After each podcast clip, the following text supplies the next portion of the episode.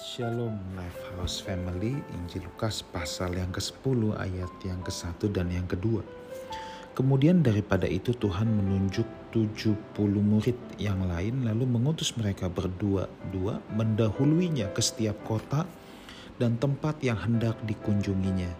Katanya kepada mereka, tuayan memang banyak tetapi pekerja sedikit.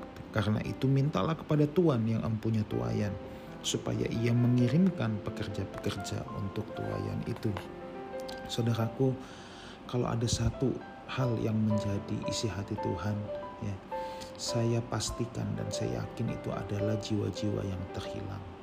Jiwa-jiwa yang terhilang itu ibarat jiwa-jiwa yang siap dituai untuk kerajaan Tuhan. Dan tuayan ini Tuhan tidak memakai malaikat untuk menuainya, tetapi manusia yang sejak semula diciptakan sebagai rekan sekerja Allah. Ya. Sebagai rekan sekerja Allah itulah menjadi partner Tuhan untuk menuai jiwa-jiwa di bumi ini. Tuayan ini adalah sebuah proyek yang luar biasa sebab proyek ini adalah proyek yang paling bernilai yaitu memindahkan orang-orang dari kegelapan kepada terangnya yang ajaib.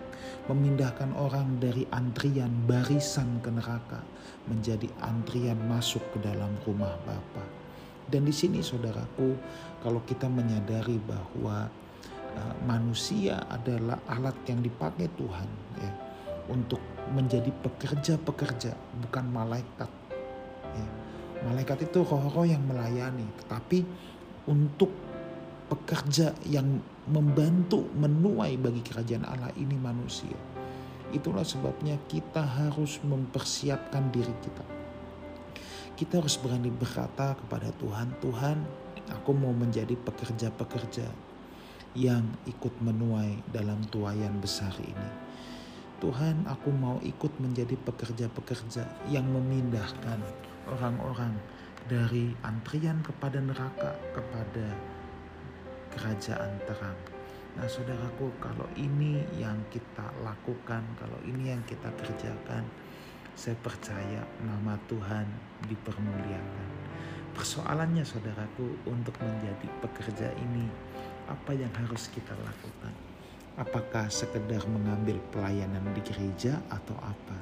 Saudara mengambil pelayanan pekerjaan Tuhan dalam gereja adalah baik untuk saling melayani antar orang percaya. Tetapi setiap kita kalau kita mau menuai jiwa-jiwa jelas, kita harus kembali kepada identitas kita yaitu terang dan garam. Di mana terang sebagai penunjuk arah, terang sebagai sebuah kehidupan, ya terang sebagai sebuah harapan. Apakah orang-orang yang bertemu dengan kita bisa mendapatkan harapan baru, bisa mendapatkan petunjuk kehidupan yang baru? Identitas kita juga sebagai garam, artinya kita menginfluence, kita mempengaruhi mereka. Lewat apa? Ya jelas lewat hidup kita. Kalau ada terang dalam hidup kita, hidup kita pasti jadi pengaruh.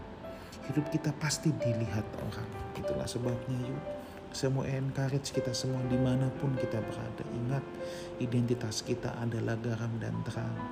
Kita harus menjadi contoh. Kita harus bisa menjadi berkat. Orang yang bertemu kita sejuk, ada harapan yang baru, ya, ada kekuatan yang baru. Orang yang bertemu dengan kita yang letih lesu berbeban berat akan mendapat kekuatan yang baru, semangat yang baru. Kiranya Lifehouse Family kita semua boleh menjadi pekerja-pekerja yang efektif di tangan Tuhan untuk ikut menuai dalam tuayan besar ini dan ikut menggarap proyek Tuhan, memindahkan orang-orang dari kegelapan kepada terang yang ajaib. Tuhan Yesus menyertai kita semua. Amin.